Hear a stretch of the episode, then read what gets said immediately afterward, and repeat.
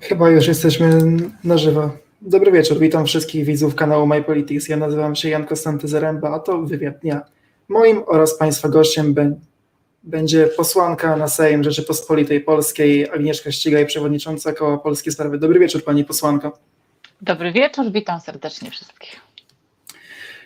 Proszę Pani, Pani posłanko, na początku chciałbym zadać takie pytanie w sprawie Koła Polskie Sprawy. Jak układa się współpraca pomiędzy Panią, pomiędzy Panem posłem Szałką i Panem posłem Andrzejem w Sośnierzem i jaka jest przyszłość Koła Polskie Sprawy? Jeśli chodzi o współpracę, to bardzo dobrze, dlatego że nas właśnie połączyła pewien sposób patrzenia na politykę, na to, że chcemy reprezentować y, interes obywateli. Y, Duża, duża pozycja niezależna i taka niegodzenie się na to, że e, szefowie partii mówią nam, jak na przykład mamy głosować, albo jakie opinie mamy wyrażać w różnych y, kwestiach. To są, ale też patrzenie na to, że właśnie polskimi sprawami w tej pierwszej kolejności w tym momencie należy się zająć, a nie tylko i wyłącznie układankami, czy też już taką wczesną kampanią polityczną, czy przepychankami politycznymi, albo em, kłóceniem się między sobą. No i to nas połączyło, to nas bardzo mocno scaliło, dlatego że zanim zdecydowaliśmy się założyć koło, to dużo na ten temat rozmawialiśmy i spraw programowych dotyczących bezpieczeństwa, dotyczących zdrowia, polityki społecznej, e, czy spraw gospodarczych. Tak? I te wszystkie sprawy okazało się, że ma, łączy nas wspólny pogląd na to, jak je rozwiązywać i jaką drogą prowadzić ku rozwojowi Polski i wyprowadzeniu z kryzysu. Jeśli chodzi o przyszłość, no rzeczywiście mm, e, zaczęliśmy się spotykać w Polsce z różnymi, y, z różnymi grupami społecznymi, czy ludźmi, którzy nie czują się doreprezentowani w Polsce. Szczególnie myślę tutaj o małych i średnich e, przedsiębiorcach, którzy nie czują, że naprawdę ktoś reprezentuje ich interesy w polskim parlamencie, tylko bardzo często je wykorzystuje do różnych gier politycznych. Zaczęliśmy się spotykać z organizacjami pozarządowymi, ludźmi, którzy tak spontanicznie do nas się zgłaszają i okazuje się, że w Polsce jest duże zapotrzebowanie na polityków czy ugrupowanie polityczne, które w tym momencie będzie rozsądne, merytoryczne, będzie starać się przede wszystkim skupiać na tych ważnych sprawach, e, które na co dzień po prostu zaprzątają głowę e, Polakom, a nie tylko i wyłącznie tych rozgrywkom partyjnym. E, I po tych spotkaniach, które odbyliśmy w ostatnim czasie, a trochę się ich e, było, okazuje się, że ludzie chcą się grupować, e, zrzeszać i w jakiś sposób, nie wiem, tworzyć jakąś organizację. I dlatego podjęliśmy decyzję, że na początek pozwolimy na to, żeby ludzie właśnie trochę inaczej niż w innych ugrupowaniach. To my, to nie my zakładamy, tylko pozwoliliśmy na to, że ludzie, którzy czują podobnie jak my, mają szansę przy nas i razem z nami stworzyć wspólnie jakąś organizację, która będzie bardziej widoczna i będzie dawała nam takie poczucie ram funkcjonowania takiego mm, instytucjonalnego. Więc pewnie założymy stowarzyszenie, wokół którego będziemy skupiać ludzi chcących zmieniać naprawdę Polskę. I, i, I nad tym teraz pracujemy. Nie jest to łatwe, ponieważ e, nie mamy środków finansowych e, i bardzo często, e, no też jakby z racji tego, że jesteśmy małym kołem, e, nie mamy dużego zaplecza, nawet takiego prawniczego czy pra, zaplecza merytorycznego, ale jest w nas zapał, energia i rzeczywiście takie mocne kręgosłupy. Czyli rozumiem, że to może być początek nowego ruchu. Mamy taką nadzieję. Rozumiem. Dobrze, w takim przypadku przejdziemy do troszeczkę bardziej bieżących spraw. Eee, Wybór RPO, temat wałkowany, pewnie wszyscy go mają dosyć, ale dlaczego ugrupowania opozycyjne, eee, na razie przynajmniej eee, nieznane stanowiska Konfederacji i niektórych chyba dwóch posłów niezrzeszonych, jeżeli się pomyliłem, to bardzo przepraszam, dlaczego ugrupowania opozycyjne zdecydowały się poprzeć profesora Wiązka? No ja nie, ja nie mogę wypowiadać się za inne ugrupowania, mogę powiedzieć tylko y, o nas, jaka jest droga do tego, że zdecydowaliśmy się podpis- podpisać pod tą kandydaturą. Przede wszystkim jest to sztandarowa porażka polskiej polityki. Jakby obywatele powinni sobie zdać sprawę, że to jest po prostu taki jak namalowany obraz tego, kim dla y, polityków są obywatele. Rzecznik Praw Obywatelskich, instytucja absolutnie kluczowa, konstytucyjna i bardzo ważna, ponieważ to jest y, osoba, która ma bronić obywateli, dochodzić ich praw w momencie, kiedy państwo y, staje naprzeciwko nich i, i w jakiś sposób y, krzywdzi te osoby. I przez rok czasu klasa polityczna, która powinna dla dobra obywateli umieć się porozumieć, bo za to im płacą, czyli powinna prowadzić dialog mimo różnic, jeżeli są sprawy ważniejsze. Nie potrafi wybrać rzecznika dla obywateli. I to uważam za kompletną porażkę. I my zdecydowaliśmy się podpisać pod kandydaturą e, profesora Więcka, dlatego że po pierwsze on się do nas zwrócił, po drugie rozmawialiśmy z posłami Koalicji Polskiej, którzy mm, też zdecydowali się na samym początku poprzeć e, tą kandydaturę. Jest to kandydat apolityczny, nie był dotychczas związany z żadnym ugrupowaniem politycznym, ma duży dorobek naukowy, E, jeśli chodzi o prawa człowieka, prawa obywatelskie.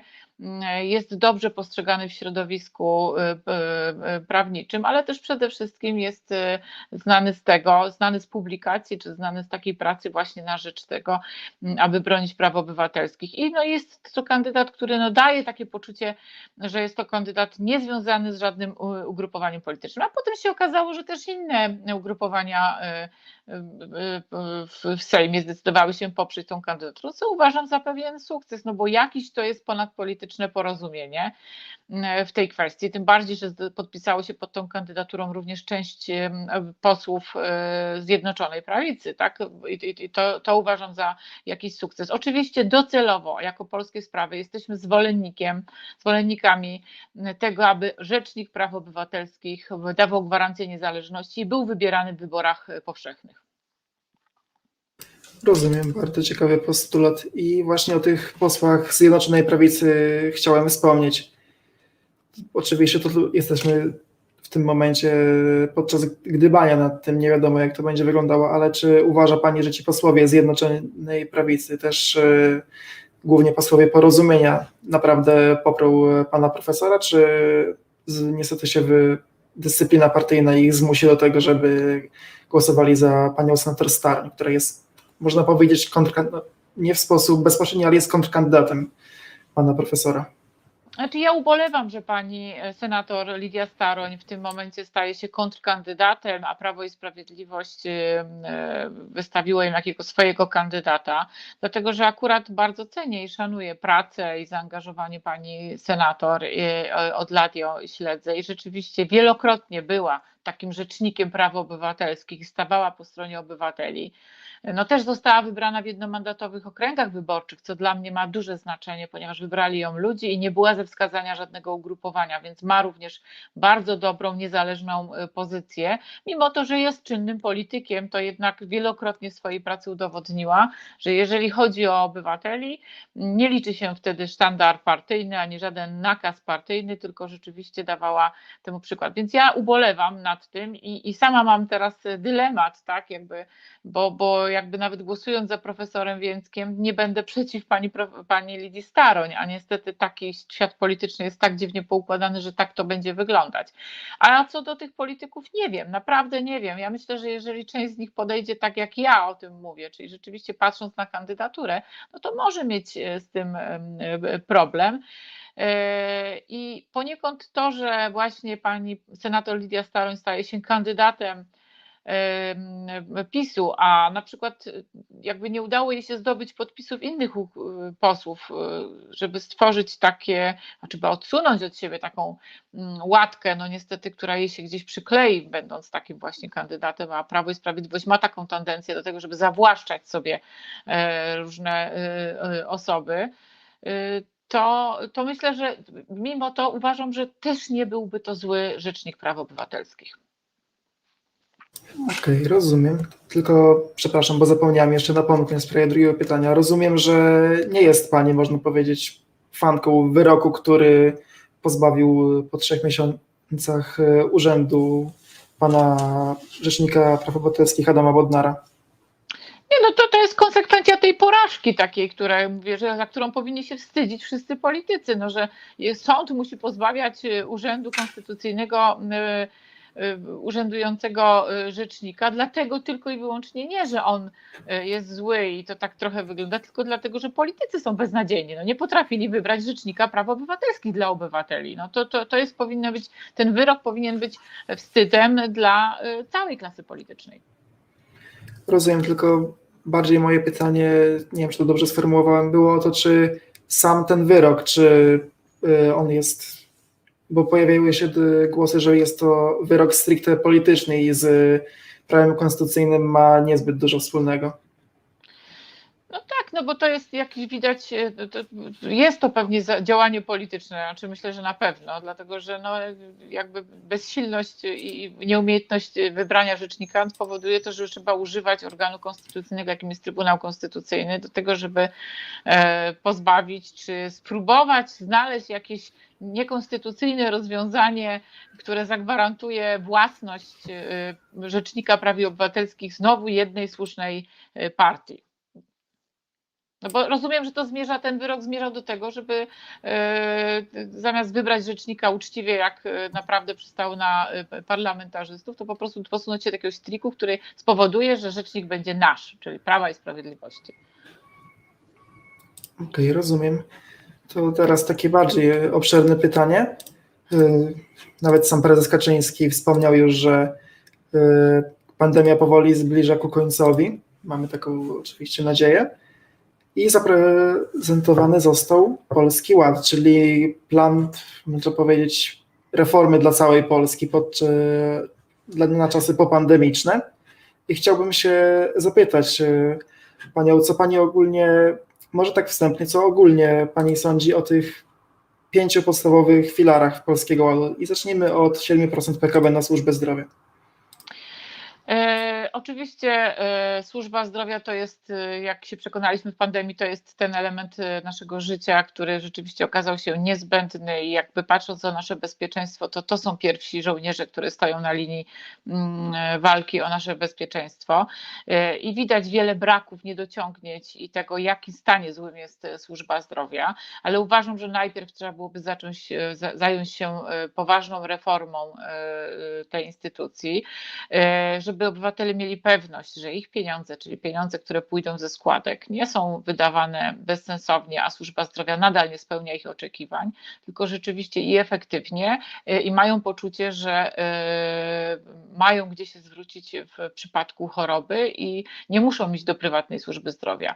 Wlewanie większej wody, ilości wody czy pieniędzy do dziurawego wiadra niczego nie zmieni. Więc od paru lat apelujemy o to, aby wszystkie ugrupowania zrealizowały perspektywę, nie tylko mówiły o tym, jakie kwoty trzeba przekazać na służbę zdrowia, ale też w jaki sposób naprawi się złe, e, nieefektywne wydawanie tych pieniędzy, bo przecież my każdego roku mamy podwyższaną składkę zdrowotną. Każdego roku tych pieniędzy jest więcej na służbę zdrowia, a nie wiem, czy ktoś z nas obserwuje podwyższenie jakości e, publicznej służby zdrowia. Więc e, uważam, że oczywiście pieniądze jak najbardziej tak, natomiast przy tym powinna być zaprezentowana gruntowna reforma pokazująca Polakom, jak efektywnie te pieniądze będą wydawane na służbę zdrowia. Czyli na pewno tylko... nie centralizacja, czyli to, co, w którym kierunku zmierza, przepraszam, że przerwałam, nie, ale te pierwsze, pierwsze propozycje, które się pojawiły y, ze strony rządu, czyli podejście centralizowania y, służby zdrowia, skupiania w jakiejś agencji, która będzie spółką skarbu, która będzie jakąś spółką non-profit z wszystkich zakupów dla służby zdrowia, to jest przede wszystkim korupcjogenne i to nie jest naprawienie służby zdrowia. Nie tędy droga. Czyli rozumiem, preferowałaby Pani na przykład, żeby przekazać może część kompetencji w sprawie tej służby zdrowia samorządom?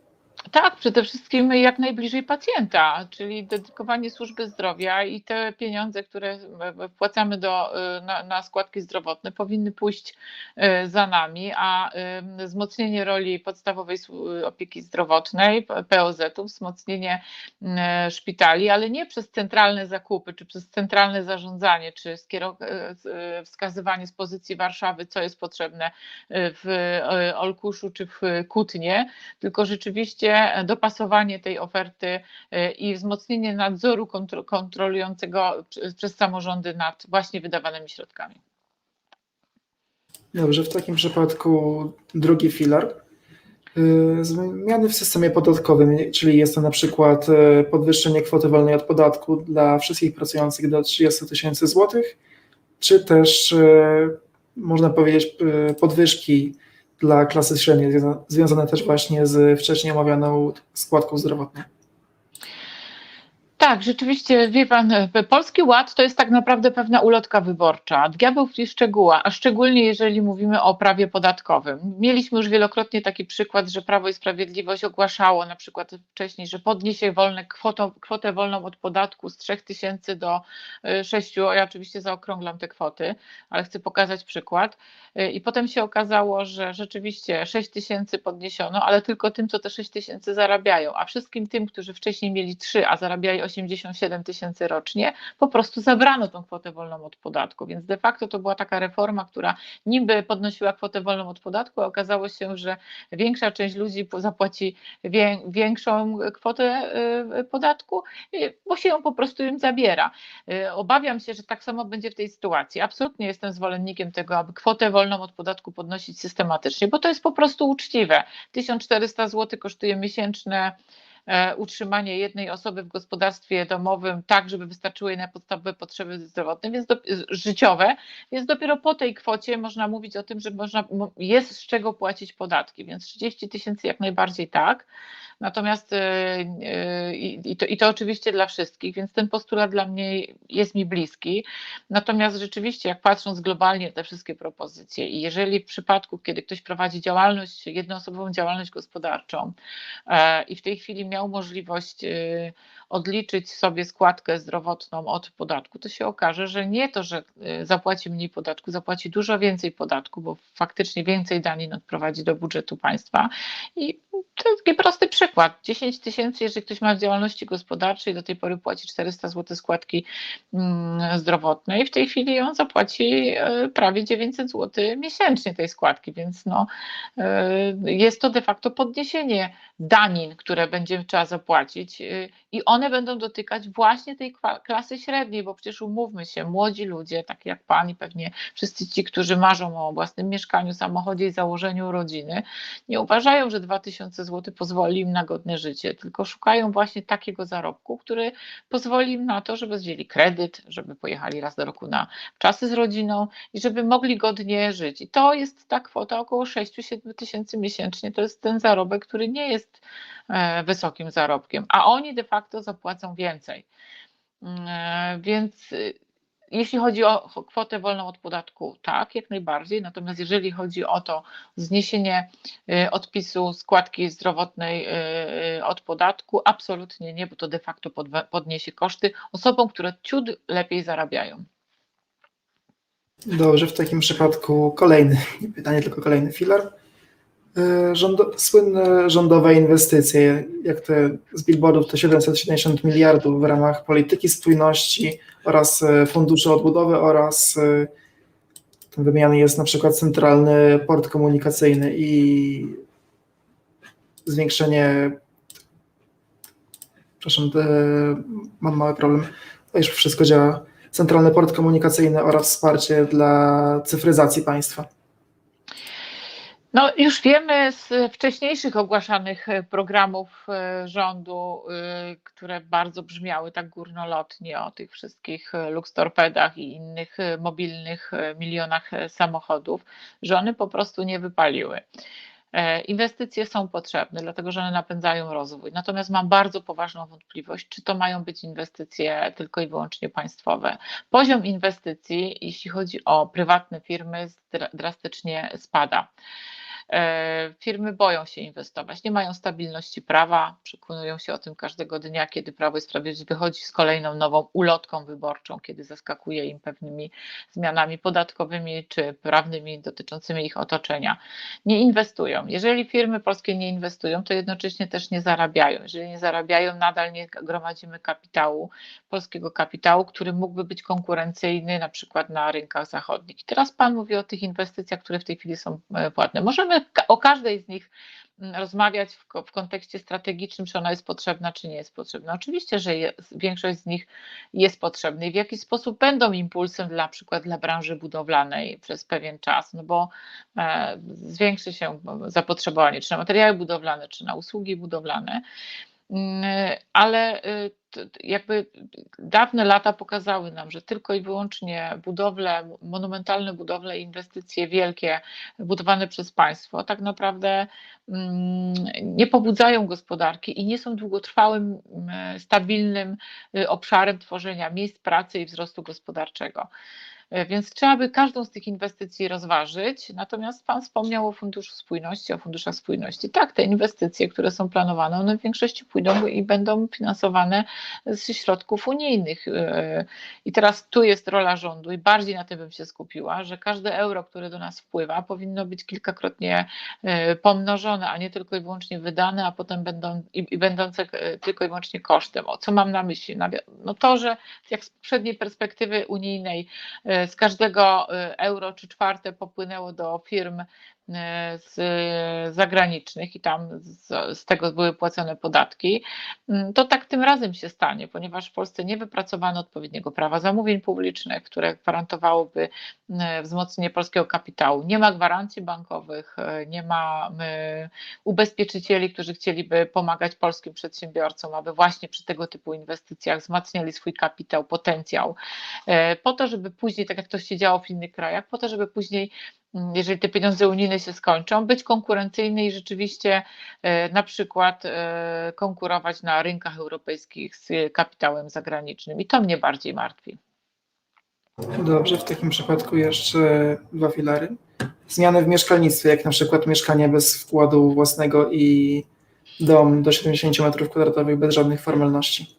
Mm, e, Obecnie podoba mi się program, który jest e, realizowany przez rząd, te społeczne inicjatywy mieszkaniowe. Ja się go przyjrzałam, on zdecydowanie jest lepszy niż to wcześniej Mieszkanie Plus i jak widać e, bardzo dobrze jest popularny, on stał się popularny wśród e, samorządów e, i dobrze oceniam ten program. Natomiast co do tych następnych zapowiedzi, no szczerze powiedziawszy z tym 70-metrowym e, domem, tak, tak, bo to takie były propozycje, 70-metrowy dom dla każdego i prawie taki sam, to trochę to jest, e, e, no to, to, to już naprawdę pachnie takim komunizmem, gdzie wszyscy mieli tak samo i powinni się cieszyć, że i nawet nie marzyć o tym, żeby sobie zrobić parę metrów, e, zbudować parę metrów więcej. Więc to myślę być taki pomysł, który fajnie brzmi i wszystkim się podoba w pierwszym podejściu, natomiast później doprowadza nas do sytuacji, że rzeczywiście przestajemy mieć aspiracje i traktujemy wszystko równo i